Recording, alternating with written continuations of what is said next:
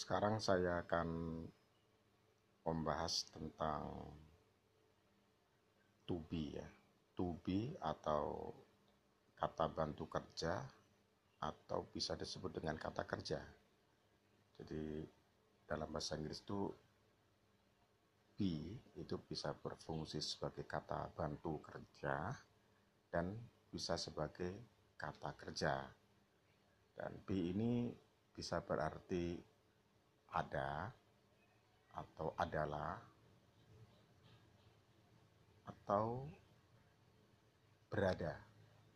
Jadi ada, adalah, atau berada. Tapi kalau sebagai kata bantu kerja, maka to be ini tidak ada artinya. Jadi sebagai kata bantu kerja saja. Misalnya di dalam kata atau kalimat present progressive tense. I am speaking.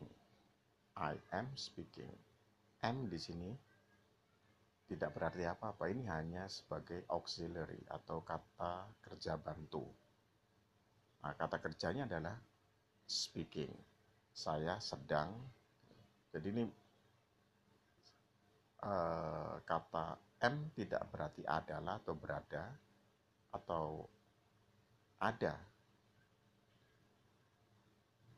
Tetapi tidak ada arti hanya sebagai pembantu aja kata bantu aja